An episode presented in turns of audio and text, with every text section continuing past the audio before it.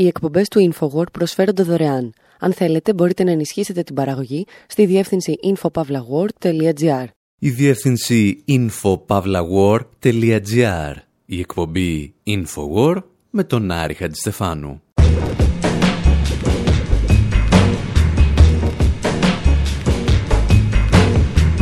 Όπου σήμερα ταξιδεύουμε στην καρδιά του σκότους με τη βοήθεια του Φράνσις Φορτ Κόπολα, του Όρσον Βέλς, του Τζόζεφ Κόνραντ και του Βάγνερ.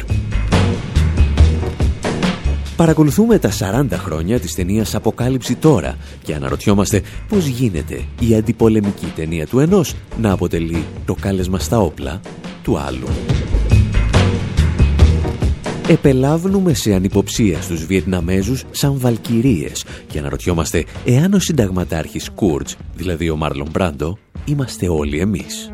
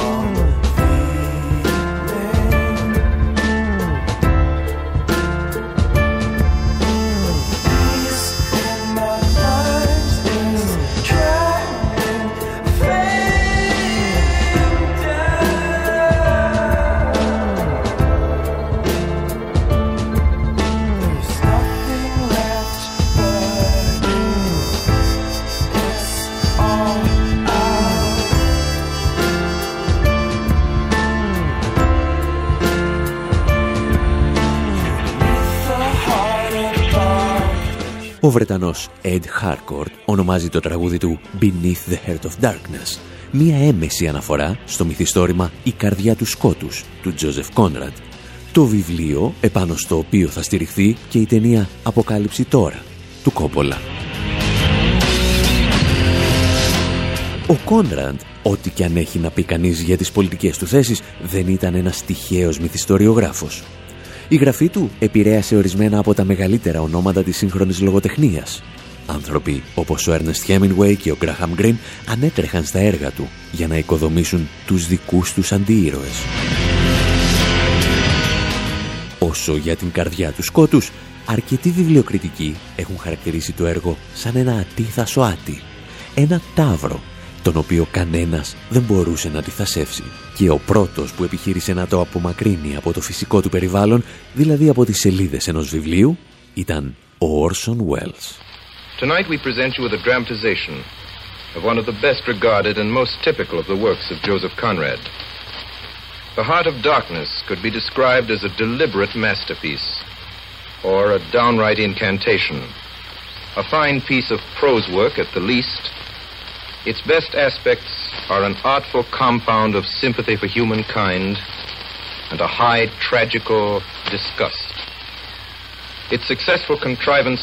Στις 6 Νοεμβρίου του 1938, ο Όρσον Welles θα μεταφέρει την καρδιά του σκότους στην ραδιοφωνική του εκπομπή στο CBS Radio.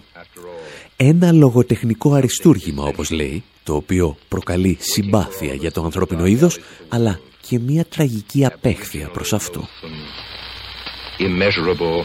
Το όνειρο του Όρσον Welles όμως να μεταφέρει το βιβλίο του Κόνεραντ και στη μεγάλη οθόνη δεν θα ολοκληρωθεί ποτέ.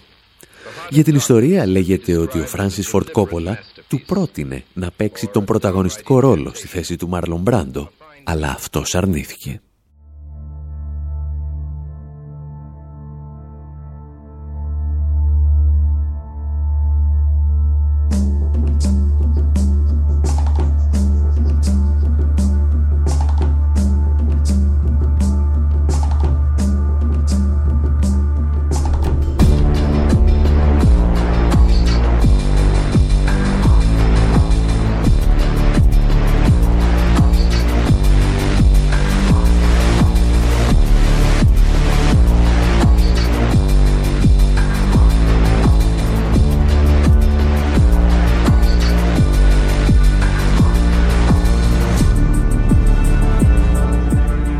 Στο βιβλίο «Η καρδιά του σκότους» ο Κόνραντ περιγράφει με τρομακτικές λεπτομέρειες τα φρικιαστικά εγκλήματα της ευρωπαϊκής απεικιοκρατίας στην Αφρική. Και τα γνώριζε γιατί είχε ταξιδέψει ο ίδιος εκεί στα τέλη του 19ου αιώνα. Στο βιβλίο περιγράφει την κόλαση επί της γης όταν συναντά, λέει, τους άρρωστους μαύρους σκλάβους που κατασκεύαζαν τους πρώτους σιδηροδρομικούς σταθμούς στην Αφρική. Είναι η εποχή που οι Βέλγοι απεικιοκράτες κόβουν τα χέρια ανήλικων παιδιών όταν δεν καταφέρνουν να συλλέξουν επαρκείς ποσότητες καουτσούκ ή απαγχωνίζουν ανήλικα παιδιά για να τιμωρήσουν την χαμηλή αποδοτικότητα των γονιών τους. Γιατί όταν οι Βέλγοι έκαναν γενοκτονίες, οι Γερμανοί διάβαζαν ακόμα γκέτε.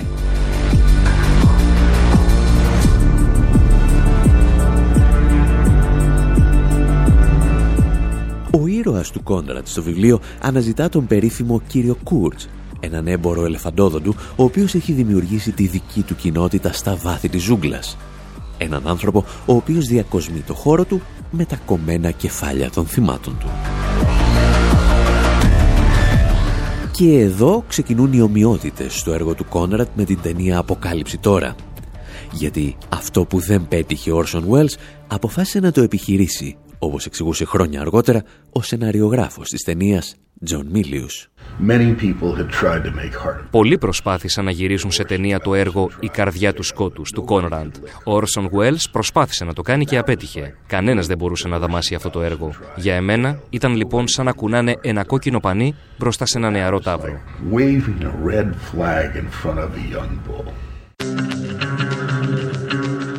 Ο Μίλιος θα παίξει καθοριστικό ρόλο στην πορεία που θα πάρει η ταινία.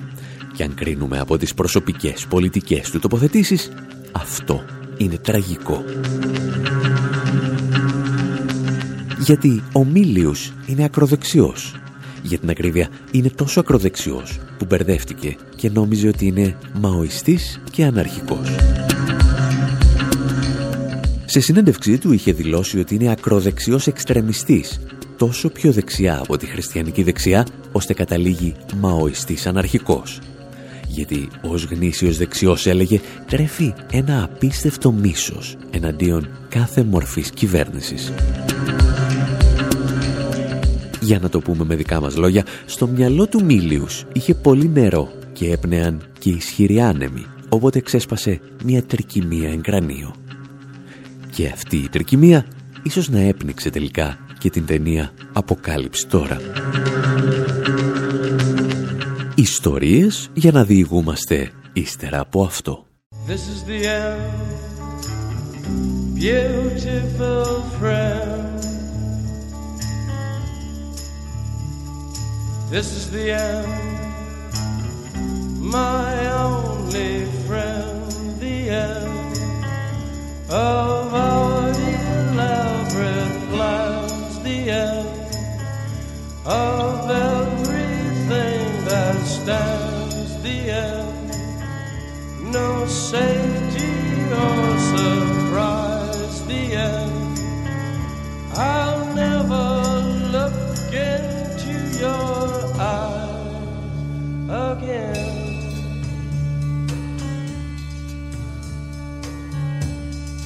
Can you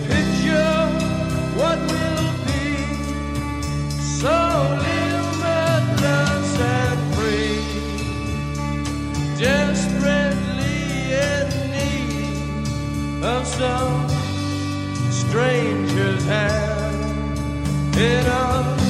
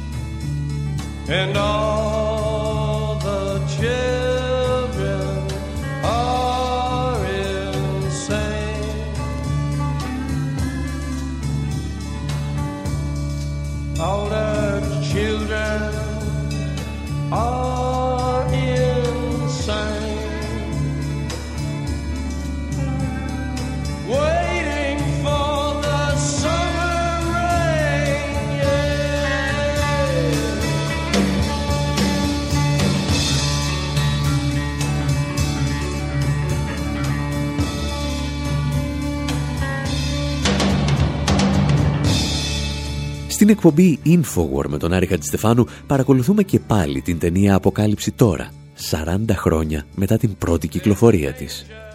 Και αναρωτιόμαστε μήπως όλοι αυτοί που επέμεναν από την πρώτη στιγμή ότι δεν είναι αντιπολεμικοί, αλλά στην πραγματικότητα είναι μιλιταριστικοί, να είχαν τα δίκια τους.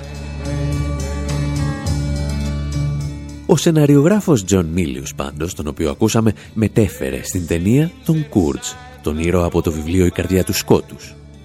Και έκτοτε όλοι αναρωτιούνται ποιος θα μπορούσε να είναι στην πραγματικότητα αυτός ο άνθρωπος που ασκεί τόση κτηνώδη βία ώστε να αναγκάζει ακόμη και το Πεντάγωνο και τη CIA να ζητούν την κεφαλή του επιπίνακη. Ride the snake. Αρκετοί υποστηρίζουν ότι η περσόνα του Κούρτς στο Αποκάλυψη τώρα στήθηκε πάνω στον Τόνι Πόε, ένα άνθρωπο μορφοκτίνος με δεκάδες παράσημα από το Αμερικανικό κράτος.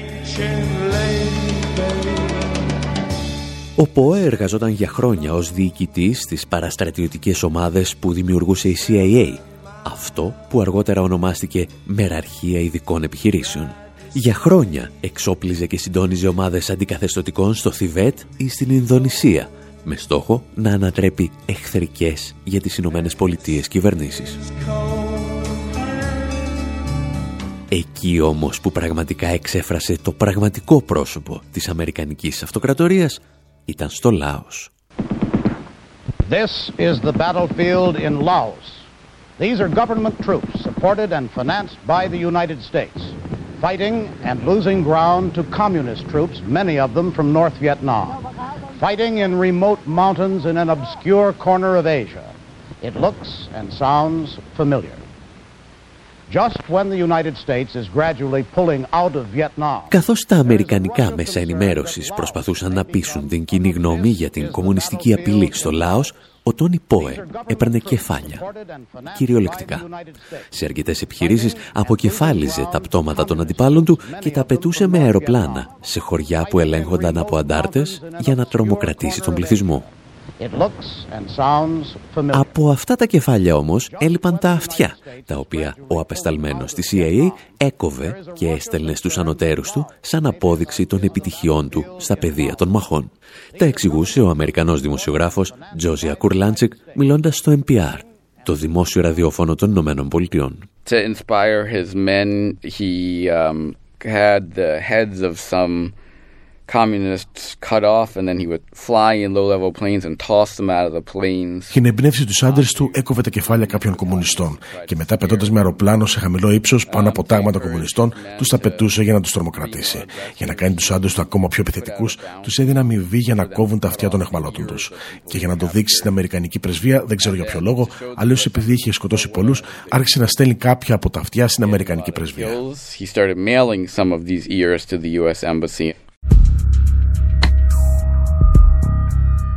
Ο Φράνσις Φορντ Κόπολα βέβαια επιμένει ότι η περσόνα του Τόνι Πόε δεν ήταν αυτή που ενέπνευσε τους δημιουργούς της ταινίας Αποκάλυψη τώρα. Το πραγματικό πρόβλημα όμως είναι ότι ο σεναριογράφος Τζον Μίλιους έδειχνε μια περίεργη λατρεία προς στελέχη του Αμερικανικού στρατού που αμφισβητούσαν τις εντολές των ανωτέρων τους και χάρασσαν τη δική τους πορεία. Όπως αυτός εδώ ο κύριος.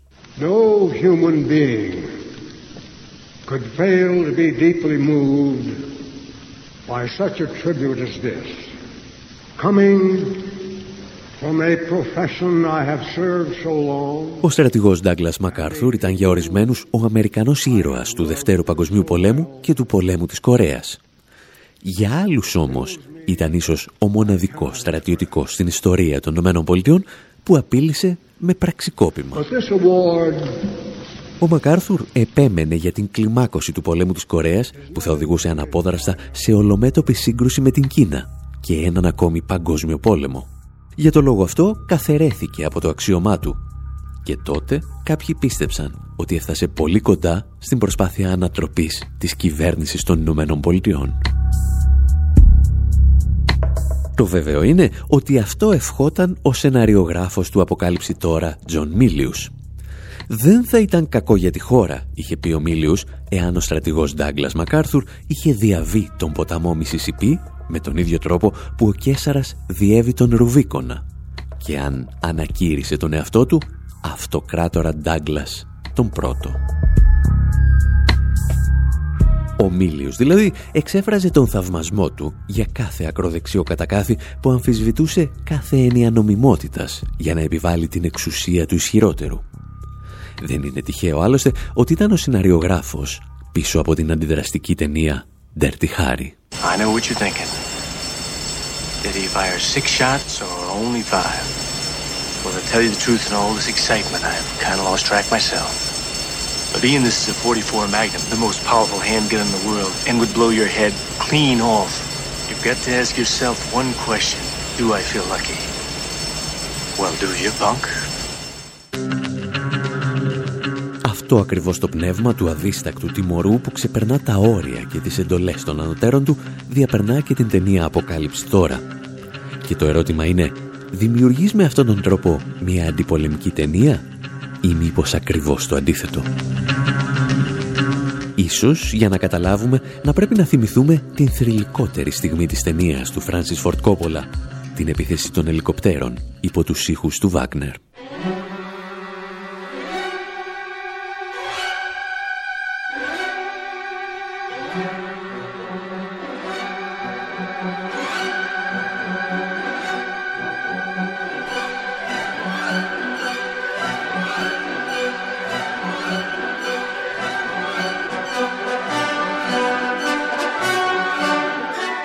Ο Αμερικανικός στρατός λοιπόν πολυβολεί τον άμαχο πληθυσμό του Βιετνάμ ενώ παράλληλα πραγματοποιεί και μια επιχείρηση ψυχολογικού πολέμου με τις βαλκυρίες του Βάγνερ.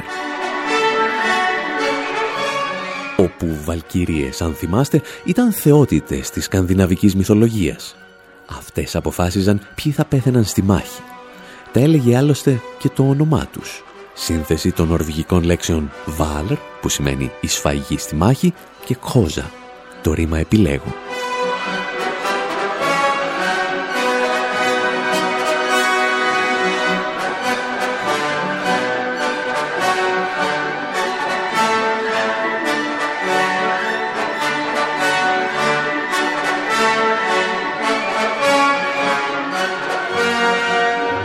Το να δείχνεις βέβαια τη σφαγή μάχων θεωρητικά κάνει την ταινία σου αντιπολεμική.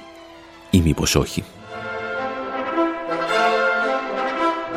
Η αλήθεια είναι ότι το Αμερικανικό Πεντάγωνο χρησιμοποιεί συχνά τη συγκεκριμένη σκηνή για να εμψυχώνει τους στρατιώτες του πριν από σημαντικές μάχες. Κυρίως αυτές που απαιτούν μαζικές σφαγές αμάχων. Το 2003, λόγου χάρη, κατά τη διάρκεια επιχειρήσεων του Αμερικανικού στρατού στην Ιρακινή πόλη Ραμάντι, οι διοικητές έπαιζαν στη διαπασόν της Βαλκυρίας του Βάγνερ. Και το ίδιο συνέβη και το 2004, στην πτώση της Φαλούτζα, ένα από τα μεγαλύτερα εγκλήματα πολέμου στη σύγχρονη ιστορία. Αρκετά από τα στρατιωτικά οχήματα Χάμβι που εισέβαλαν στην πόλη είχαν τοποθετημένα ηχεία, τα οποία έπαιζαν αποσπάσματα από την όπερα Βαλκύρια του Βάγνερ. Ο Κόπολα προς τιμήν του αντέδρασε σε αυτή τη χρήση των σκηνών από την ταινία του. Δήλωσε ότι χρησιμοποιούν τις σκηνές αποσπασματικά, αλλοιώνοντας το πραγματικό περιεχόμενο του έργου. Ένας μεγάλος στοχαστής του 20ου αιώνα όμως, ο Ζαν Μποντριάρ, είχε διαφορετική άποψη. Η ταινία «Αποκάλυψη τώρα» έλεγε, δεν είναι η άρνηση του πολέμου, είναι η συνέχεια του πολέμου με άλλα μέσα. Στο βιβλίο του «Simulacra» και «Simulation», δηλαδή «Ομοιώματα και προσωμείωση», σημειώνει και τα εξής. Ο Κόπολα κάνει την ταινία του όπως οι Αμερικάνοι κάνουν τον πόλεμο, χωρίς αίσθηση του μέτρου, με την ίδια υπερβολή στα μέσα που χρησιμοποιούνται, την ίδια τερατώδη ευθύτητα και την ίδια επιτυχία. Ο πόλεμος σαν περιχαράκωση, σαν τεχνολογική και ψυχεδελική φαντασίωση. Ο πόλεμος μετατρέπεται σε μια αλληλουχία από ειδικά εφέ. Ο πόλεμος γίνεται ταινία πριν ακόμη κινηματογραφηθεί. Οι Αμερικάνοι, καταλήγει ο Μποντεριάρ, έχασαν τον πραγματικό πόλεμο, αλλά κέρδισαν αυτόν τον πόλεμο, της ταινίας. Το αποκάλυψη τώρα είναι η παγκόσμια νίκη τους. Η ισχύ του κινηματογράφου αποδεικνύεται ίση και ανώτερη με αυτή του στρατιωτικο-βιομηχανικού συμπλέγματος. Ίση και ανώτερη με την ισχύ του Πενταγώνου και των Αμερικανικών κυβερνήσεων.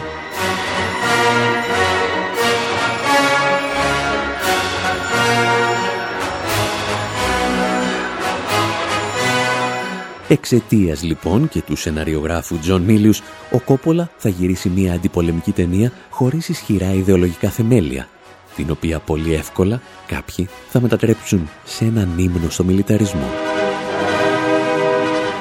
Και στην πραγματικότητα, ο Κουρτς και κάθε Κουρτς δεν είναι ένας άνθρωπος που ξέφυγε από τον έλεγχο του Αμερικανικού Πενταγώνου. Είναι το ίδιο το Αμερικανικό Πεντάγωνο. Εμείς σας αφήνουμε για λίγο με ένα μικρό διάλειμμα από τους Haneke Twins να διασκευάζουν με μοναδικό τρόπο το The End των Doors και επιστρέφουμε με άλλες ιστορίες.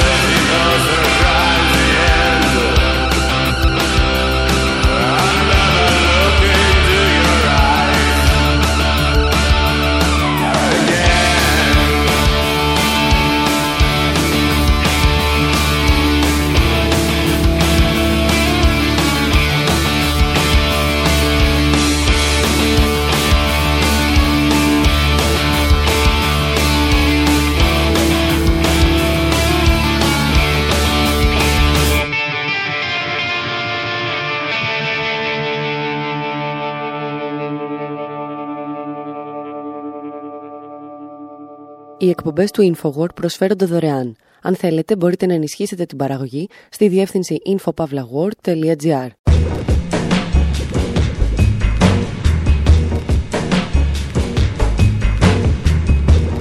Η εκπομπή InfoWar με τον Άρη Χατζηστεφάνου. Όπου σήμερα τραγουδάμε ιστορίες για τον Dirty Harry και τον Clint Eastwood. Ταξιδεύουμε στη σακατεμένη Αμερική του Βιετνάμ και του Watergate, την Αμερική που αναζητούσε εναγωνίως ένα δολοφόνο για να εναποθέσει τις ελπίδες της. Και όλα αυτά τα κάνουμε με τη βοήθεια των Gorillaz, των Ramones και πολλών πολλών άλλων.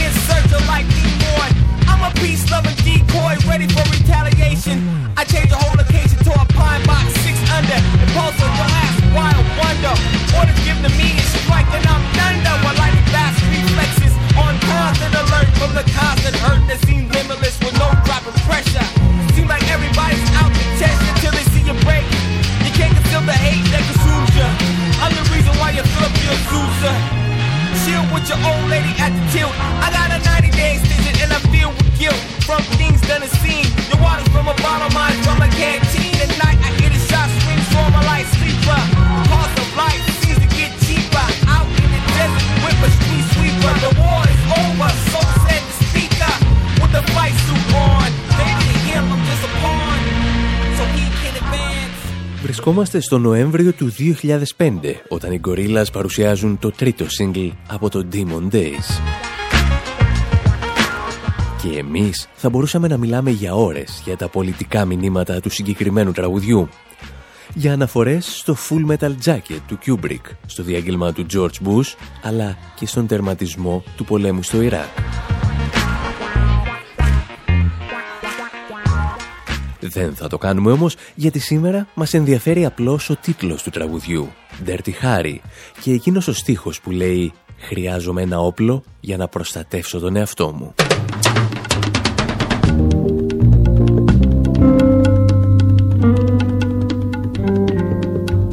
Ο Dirty Harry θα γεννηθεί το 1971 σαν ήρωας της τηλεοπτικής σειράς που σκηνοθετεί ο Don Siegel. Και η ιστορία του είναι ελαφρώς αληθινή ή τουλάχιστον πατάει σε μερικά αληθινά γεγονότα. Ο Ντέρτι Χάρη, επιθεωρητής στο αστυνομικό τμήμα του Σαν Φρανσίσκο, αναζητά έναν δολοφόνο κατά συρροή, τον Σκόρπιο, η περσόνα του οποίου στηρίζεται σε έναν αληθινό δολοφόνο που έμεινε γνωστός με το ψευδόνυμο Zodiac Killer.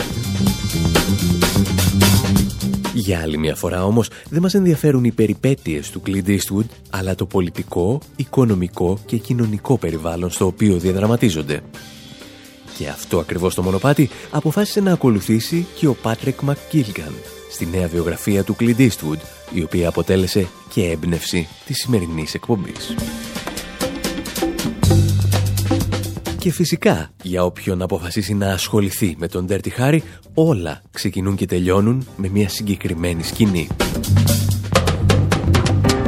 Ο Clint Eastwood τρώει αμέριμνος σε ένα hot dog όταν στο απέναντι πεζοδρόμιο πραγματοποιείται μια ληστεία.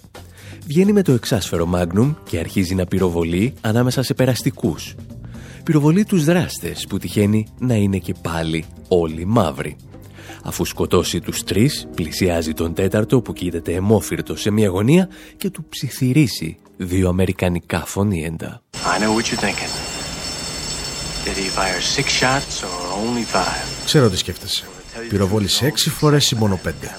Για να είμαι ειλικρινής, ήμουν τόσο ενθουσιασμένος που έχασα και εγώ τον λογαριασμό. Επειδή όμως αυτό είναι ένα 44 Magnum, το πιο ισχυρό όπλο στον πλανήτη, και μπορεί να τεινάξει το κεφάλι στον αέρα, πρέπει να θέσει τον εαυτό σου ένα ερώτημα. Αισθάνομαι τυχερός. Λοιπόν, Αλίτη, αισθάνεσαι; Ask yourself one question. Do I feel lucky? Well, do you, punk? Η στοιχομηθεία τελειώνει με την εικονική εκτέλεση του ληστή, πρακτική που παρεπιπτόντως χρησιμοποιούνταν και από τους Ναζί στο Δεύτερο Παγκόσμιο Πόλεμο.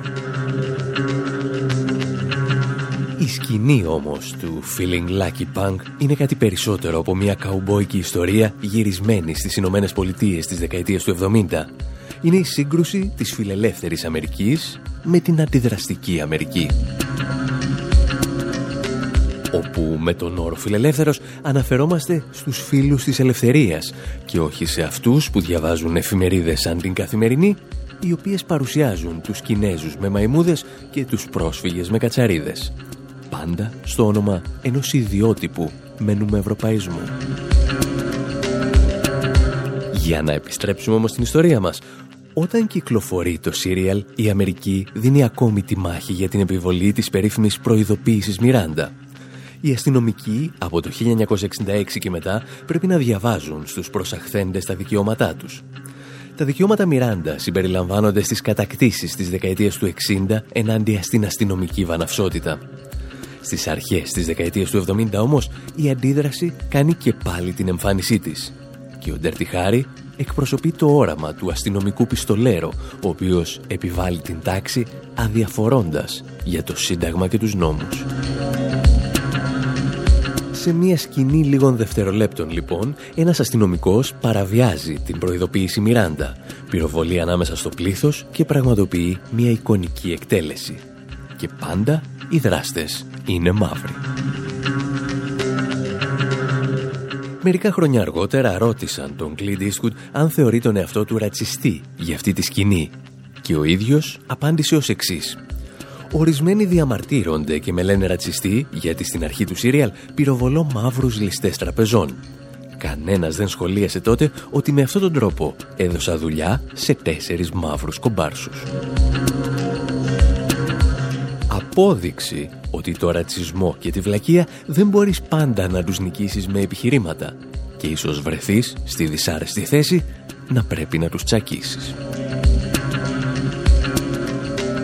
Η ουσία του Dirty Harry όμως δεν είναι μόνο ο ρατσισμός. Ο βρώμικος Χάρη έρχεται να καλύψει τα κενά μιας αυτοκρατορίας που χάνει το έδαφος κάτω από τα πόδια της. Γι' αυτά όμως θα μιλήσουμε σε λιγάκι.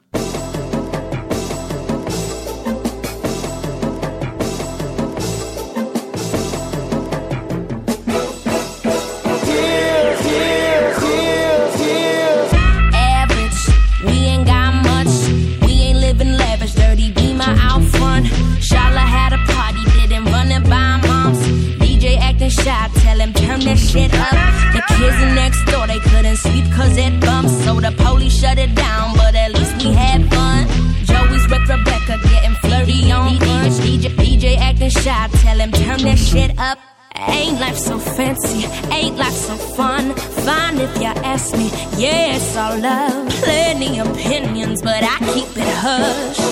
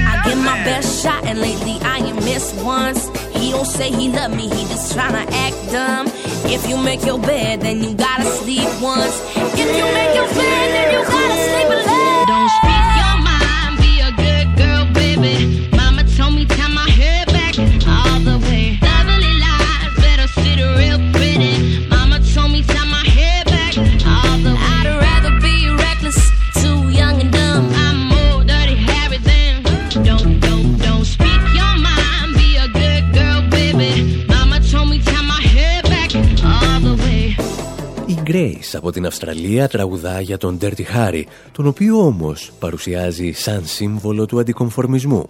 «Η μαμά μου λέει το τραγούδι να πιάνω πίσω τα μαλλιά μου, αλλά εγώ είμαι ο Dirty Harry». Και αυτό αποδεικνύει πόσο λίγα κατάλαβε το κοριτσάκι από τα μηνύματα του συγκεκριμένου ηθοποιού. Ο ήρωάς μας, όπως εξηγεί ο Πάτρεκ Μακγκίλιγκαν στη νέα βιογραφία του Clint Eastwood, δεν είναι τυχαίο ότι εργάζεται σαν επιθεωρητής στο Σαν Φρανσίσκο. Γιατί εκεί, στις αρχές της δεκαετίας του 70, χτυπούσε η καρδιά της φιλελεύθερης Αμερικής. Τα δικαιώματα των γκέι αναγνωρίζονται πλέον από μεγάλο μέρος της κοινωνίας και ορισμένοι μαύροι, έστω και σαν εξαίρεση στον κανόνα των γκέτο, επιτυγχάνουν μια μικρή κοινωνική ανέλιξη. Ο Ντερτιχάρη όμως συχαίνεται όλες αυτές τις κατακτήσεις. Συχαίνεται τους μαύρους και τους ομοφιλόφιλους. Συχαίνεται τους δικαστές που περιορίζουν τον πιστολίδι του και τους δημόσιους υπάλληλους, τους οποίους θεωρεί αργούς και άχρηστους. Συχαίνεται όλες τις εκφάνσεις μιας κοινωνίας στην οποία δεν επικρατεί ο νόμος του ισχυρού.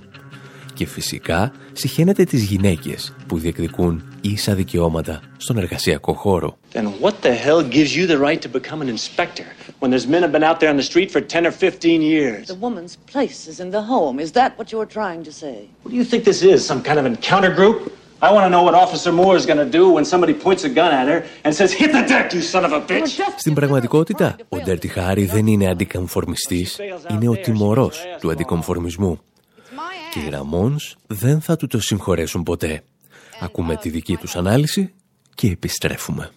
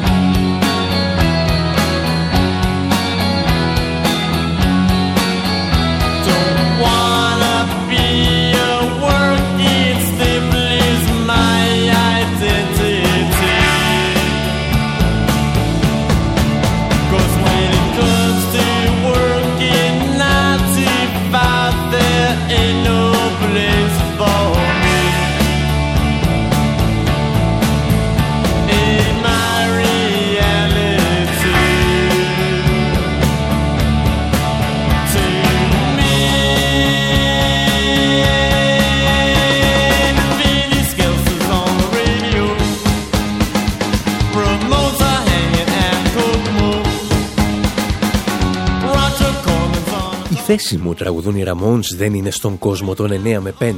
Δεν είναι επίσης στον κόσμο που βλέπει σειρές με τον Clint Eastwood και ταινίες με τον Jack Nicholson.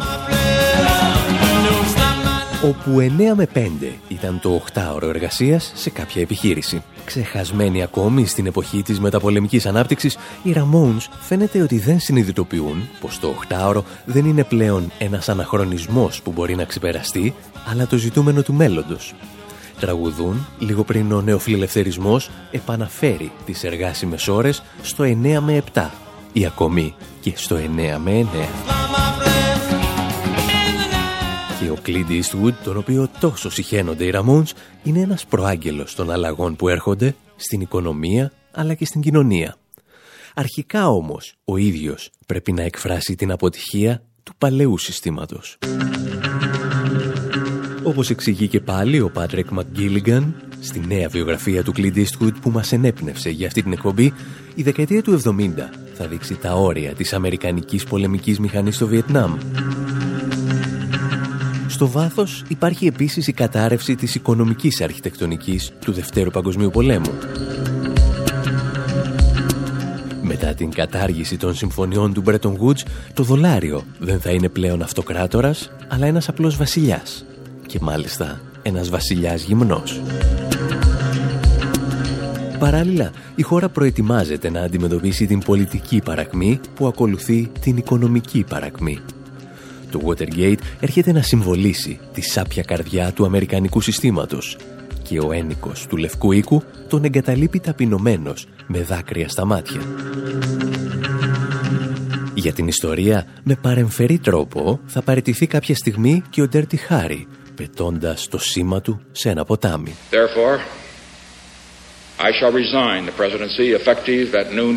Η παρέτηση Νίξον πάντως, ενός προέδρου τον οποίο ο Κλίντ Ιστκούτ υποστήριζε προσωπικά, σηματοδοτεί την μεγάλη αλλαγή σελίδας στη μεταπολεμική Αμερική. Η απάντηση του συστήματος σε αυτή την κατάσταση είναι παρεμφερής με αυτή του Ντέρτι Χάρη. Βγάζουμε το όπλο μας και πυροβολούμε τους πιο αδύναμους και όσους δεν χωράνε στις νέες νόρμες που δημιουργούμε. Κάπου εδώ όμως λέμε να σας αφήσουμε και για αυτή την εβδομάδα. Εσείς να μας παρακολουθείτε πάντα από τη διεύθυνση info.pavlawar.gr Μέχρι πάντως στην επόμενη ραδιοφωνική μας συνάντηση από τον Άρη Χατζηστεφάνου στο μικρόφωνο και τον Δημήτρη Σταθόπουλο στην τεχνική επιμέλεια Γεια σας και χαρά σας.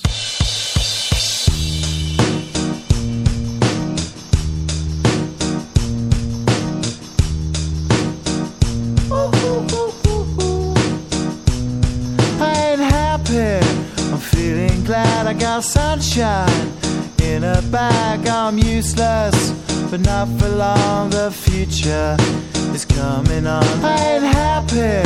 I'm feeling glad I got sunshine in a bag. I'm useless, but not for long. The future is coming on. It's coming on. It's coming on. It's coming on. It's coming on.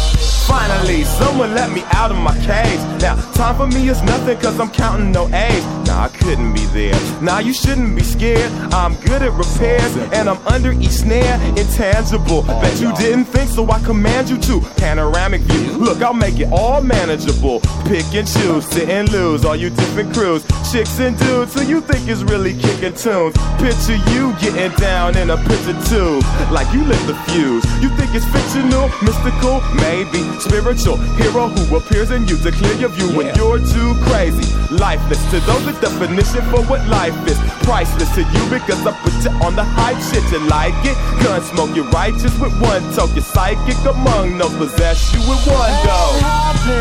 I'm feeling glad I got sunshine in a bag. I'm useless, not for long. The future is coming on. Ain't happy. I'm feeling glad I got sunshine in a bag. I'm useless, but not for long. The future is coming on. It's coming on. It's coming on. It's coming on. It's coming on. The Since the basics, without it you make it. Allow me to make this child like your nature. Rhythm, you have it or you don't. That's a fallacy. I'm in them. Every sprouting tree, every child of peace, every cloud and sea. You see with your eyes and see destruction and demise, corruption in the skies from this fucking enterprise. Now I'm sucked into your lies through rust, so not as muscles, but percussion to provide for me as a guide. Y'all can see me now cause you don't see with your eye. You perceive with your mind, that's the inner. So I'ma stick around with Russ and be a mentor. Bust a few rhymes so motherfuckers remember what the thought is. I brought all this so you can survive when law is lawless. Feeling sensations that you thought was dead. No squealing, remember that it's all in your head. Hey, it happened. I'm feeling glad I got sunshine in a bag. I'm useless. Not for long, the future is coming on. Hey, it happened. I'm feeling glad I got sunshine in a bag. I'm useless. Not for long, my future is coming on. It's coming on. It's coming on. It's coming on. It's coming on. My future is coming on. It's coming on. It's coming on. It's coming on. It's coming on. My future is coming on. It's coming on. It's coming on. It's coming on. It's coming on future is coming on, it's coming on, it's coming on. My future is coming on, it's coming on, it's coming on. My future is coming on, it's coming on, it's coming on. My future.